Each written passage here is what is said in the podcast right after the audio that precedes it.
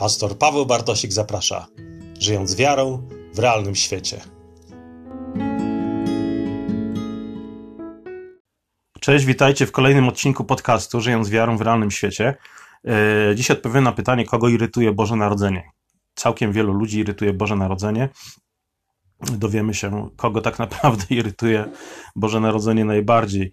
E, Czy w ogóle warto kruszyć kopię o świętowanie Bożego Narodzenia? Czy to jest istotne, abyśmy jako chrześcijanie bronili y, celebrowania Bożego Narodzenia w kulturze, w kościele czy w rodzinie? No, odpowiem na początek krótko na to pytanie i odpowiedź brzmi tak, warto i to, i to bardzo, y, warto bronić Bożego Narodzenia i powiem o czterech, czterech mm, myślach z tym związanych. Po pierwsze, Ci, którzy nie obchodzą świąt, to zwykle, można powiedzieć, zawodnicy, którzy zwalczają Boże Narodzenie naprawdę z powodów ideologicznych. Z powodów ideologicznych.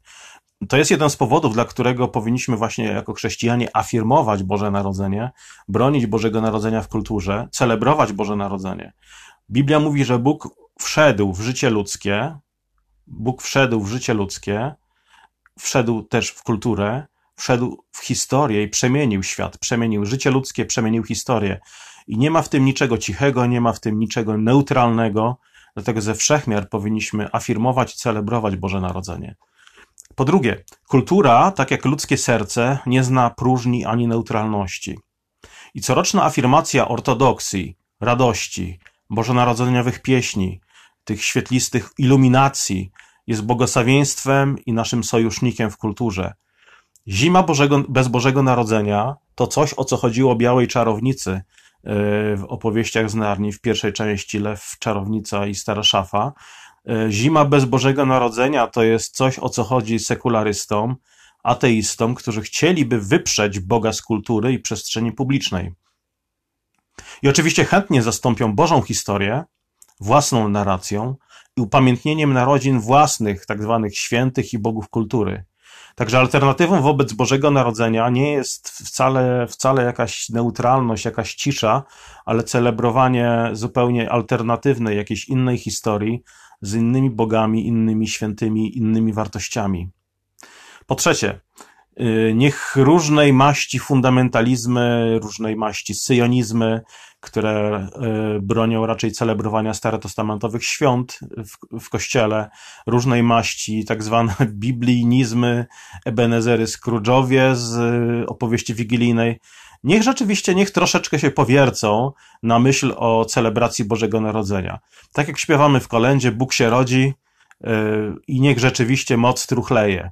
Także wszystkim tym, którzy truchleją, którzy sprzeciwiają się Bożemu Narodzeniu, im również życzymy radosnych świąt Bożego Narodzenia. I po czwarte, celebracja Bożego Narodzenia w kulturze jest dobrym testem wolności. Yy, żyjemy w naprawdę mimo wszystko, mimo iż nie są to idealne czasy, żyjemy w dobrych czasach dla wolności, kiedy możemy obchodzić Boże Narodzenie, a nie na przykład zimowy festiwal i możemy to publicznie ogłaszać, możemy publicznie ogłosić Bóg się rodzi, Bóg, moc truchleje. Nie wiem, czy nasze wnuki, czy nasze prawnuki będą mogły składać sobie wzajemnie życzenia wesołych świąt Bożego Narodzenia, bez narażania się nad zarzut o mowie nienawiści wobec neutralności światopoglądowej. Fundamentalistyczni chrześcijanie, którzy zwalczają Boże Narodzenie, zachowują się tak, jakby tęsknili do czasów niewoli, czasów prześladowań, katakumb i kultury przesyconej pogaństwem, komunizmem, różnymi zabobonami czy ateizmem. Jeżeli zaproszeni goście odrzucają zaproszenie do wyjścia na wolność, do wspólnego ucztowania, to głównym problemem jest w rzeczywistości brak wdzięczności, i ludzi, którzy nie dziękują, którzy narzekają na ofiarowywane im prezenty, mało kto będzie chciał obdarowywać w przyszłości. Dlatego zachęta dla nas wszystkich brzmi: po prostu nie dołączajmy do nich. Boże Narodzenie w ciszy, bez prezentów, z, z kanapką, z dżemem i po ciemku. No, nie bądźmy śmieszni, nie żartujmy. Także nie odbierajmy radości Bożego Narodzenia sobie, naszym dzieciom.